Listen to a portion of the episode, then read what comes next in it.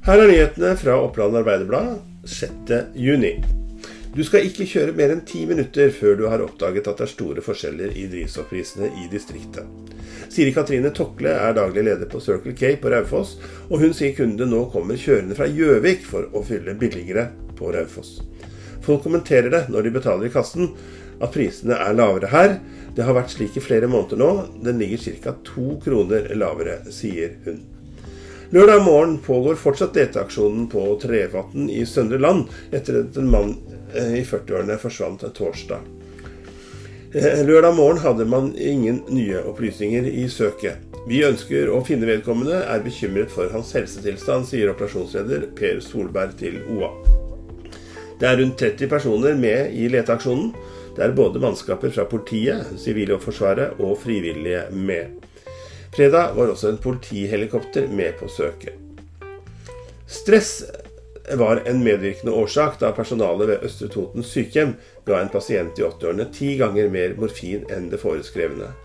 Et brudd på helselovgivningen og forsvarlighetskravet til helsehjelp konkluderer Fylkesmannen i Innlandet etter å ha gjennomført eh, et tilsyn etter den alvorlige hendelsen ved Østre Toten sykehjem, som skjedde i november i fjor. Kommunen får i tilsynsrapporten kritikk for svakheter i rutinene og opplæring knyttet til medikamenthåndtering ved sykehjemmet. Etter bruddet på en av to hovedanledninger på Englandsjordet på Gjøvik gikk det ut melding til innbyggerne om kokepåbud.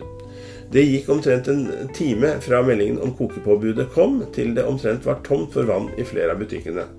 Så mange som 16 000 husstander og 25 000 personer kan være berørt av, og kokepåbudet kan vare så lenge som til tirsdag. Jeg skulle ønske vi fikk enda tydeligere prosjekter fra næringslivet i Innlandet, sier Opplands stortingsrepresentant Rigmor Aasrud. Spesielt ønsker hun dette innenfor skogbruk og bioøkonomi. Rigmor Aasrud har bestemt seg. Hun stiller til stortingsvalg for Arbeiderpartiet i Oppland valgkrets også neste år.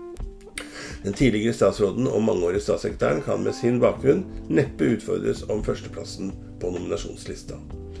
Dette var noen av nyhetene i Oppland Arbeiderblad i dag. Du kan eh, lese flere nyheter på oa.no, eller laste ned fra nettet en av våre podkaster. Mitt navn er Erik Sønsteli. På gjensyn.